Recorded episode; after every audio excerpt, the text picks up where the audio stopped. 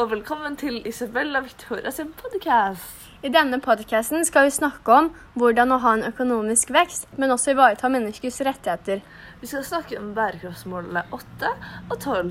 Anstendig arbeid og økonomisk vekst, ansvarlig forbruk og produksjon. Disse to bærekraftsmålene henger sammen med den økonomiske dimensjonen, for den økonomiske dimensjonen handler om å utrydde fattigdom og sikre økonomisk trygghet. Anstendig arbeid er det for det meste rundt i verden, men det er ikke i alle land det er dette. Omtrent halvparten av verdens befolkning tjener så dårlig at de ikke engang kan leve med lønnen de får. I mange land er det farlig for mennesker å jobbe fordi miljøet er så dårlig. Barnearbeid er en stor grunn til at vi ikke har anstendig arbeid her i verden. Flere millioner barn mellom 5 til 17 år er involvert i farlig, mulig helseskadelig arbeid, inkludert de aller verste formene for ulovlige, nedverdigende og farlige handlinger. F.eks. i Kongo jobber flere barn i gruver fordi, det, fordi de er så små og kan krype inn i gruvene, for at vi skal få de beste telefonene. Flere barn dør daglig i Kongo fordi gruvene er så tette og har lite luft. Men hva er det vi kan gjøre for å hindre dette? Vi kan være en bevisst forbruker.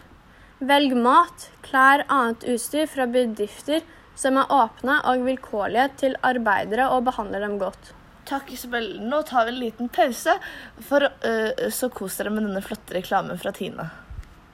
For å finne en passende talsperson for Tine Melk starta vi med en gjennomsnittsnordmann. En sterk en, da, selvfølgelig. Ja, det, det var kanskje litt i overkant. Ja.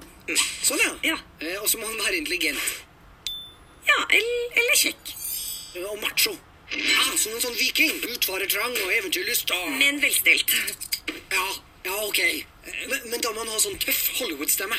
Yes. Hello, everybody. Men du må jo snakke norsk. Hallo, alle sammen. Hallo. Da trenger vi bare litt norsk natur. Ja, kjør på. Det er smart å leve sunt. Tina Melk er naturlig rik på kjempebra protein som bidrar til å styrke og fornye musklene. Smaker godt. Og så kaller vi han Mister Mister Melk. Ja. Og så lar vi han være født med ski på beina. Å, det er perfekt.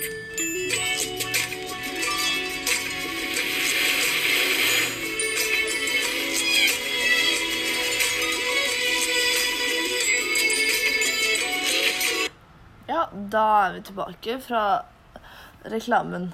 Nå skal vi snakke litt om fair trade. Men Victoria, hva er Fairtrade-merket for noe? Fair trade er en merkeorient... Ordning. Merket viser at bønder og arbeidere har fått bedre handelsbetingelser, og, råva- og at råvarene er dyrket etter standarder for et trygt arbeidsforhold og bærekraftig jordbruk. Fair trade er det mest kjente merket for sosial og bærekraftig utvikling, og har en høy tillit til forbrukerne forbrukerne verden rundt. Kjente produkter som Ben Jerry's, bær og frukt er i samarbeid med Fairtrade. Arbeiderne til Fairtrade får bedre arbeidsforhold og nok lønn til å overleve og ha en sunn helse.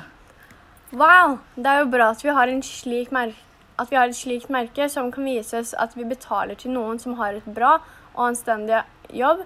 Derfor kan det lønne seg å kjøpe produkter som har Fairtrade-merke.